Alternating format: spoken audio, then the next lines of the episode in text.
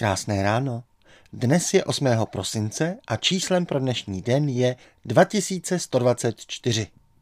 Končí nám Mikulášský týden, ve kterém jsme si ke snídaním dávali různě tu investiční mandarinky, tu investiční uhlí, samozřejmě živočišné na překyselený žaludek po těch mandarinkách, tu investiční naftu ve vaně a tu i ke všem čertům se vypařivší investiční stát. Teď o víkendu bude sice neděle zatím bronzová, ale ta zlatá se kvapem blíží a tak je nejvyšší čas dát si ke snídani i trochu investičního zlata. Obzvláště v týdnu, kdy si samo zlato sáhlo na zlato. Zlato je asi nejtradičnějším útočištěm v dobách nejistých. Dokonce i mý jinak optimističtí někdejší studenti si doma drží pár zlaťáků zbalených do evakuačního kufříku pro případ vypuknutí zombie apokalypsy. Takže je teď zlato drahé už minimálně od začátku pandemie.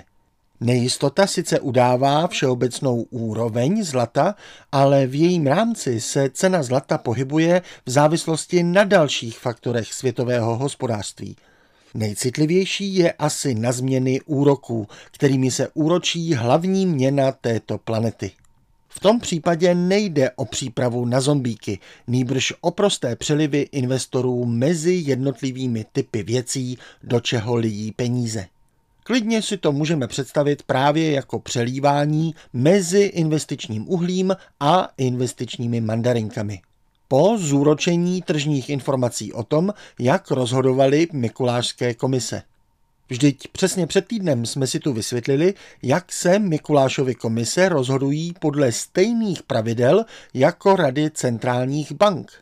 Tak nás nemůže překvapit ani podobný vliv těchto komisí na ceny komodit na světových trzích.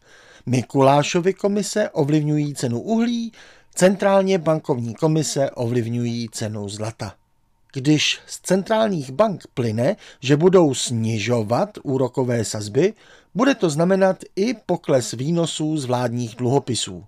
Vládní dluhopis je jen takový kus papíru, který říká, že vláda vyplatí tisíc dolarů tomu, kdo jí tento papír přinese třeba na svatého Dindy v roce 2042. E, a popo, náš občasný frankofonní jazykový koutek snídaňového croissánu.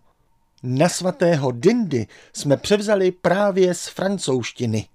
Když chce třeba francouzská vláda říct, že vám peníze vrátí až na svatého Dindy, řekne, že to udělá na den svatého Glinglina. A la Sanglonglo. No a náš Dindy je prostě jen s komoleninou Glinglina. Jakákoliv podobnost Dindy se slovem nikdy je samozřejmě čistě náhodná. Ale zpátky ke zlatu. Když centrální banky budou vyplácet nižší úroky, investoři peníze vyberou a nakoupí za ně státní dluhopisy. Jejich cena vzroste, ta tisícovka na svatého Dindy už nebude stát 800, ale třeba 900 a tím se sníží i výnosnost držení těch státních dluhopisů do svatého Dindy. A investoři budou koukat dál, kde by mohli získat nějaký výnos. Vzpomenou si na zlato, zatelefonují mu, řeknou mu, že nevíš, na koho jsem si vzpomněl. Jenom to řeknou méně taktně než filmový svěrák, protože je svírá čas. Prostě na zlato buransky houknou, zlato pojď na to, no a zlato jde a vyskočí si na historické maximum. Přesně to se stalo v prvních hodinách tohoto týdne. Zlato vyskočilo na číslo pro dnešní den 2124 dolary za trojskou unci. Samozřejmě chápeme, že kvůli inflaci to nemuselo být skutečně reálně nejdražší zlato v dějinách, ale také dobře víme, že svět zjevně na inflaci kašle a jede si svůj diskopříběh o nejvyšším čísle. Tento skok byl následkem dalších velice vlažných slov americké centrální banky o dalším případném růstu sazeb.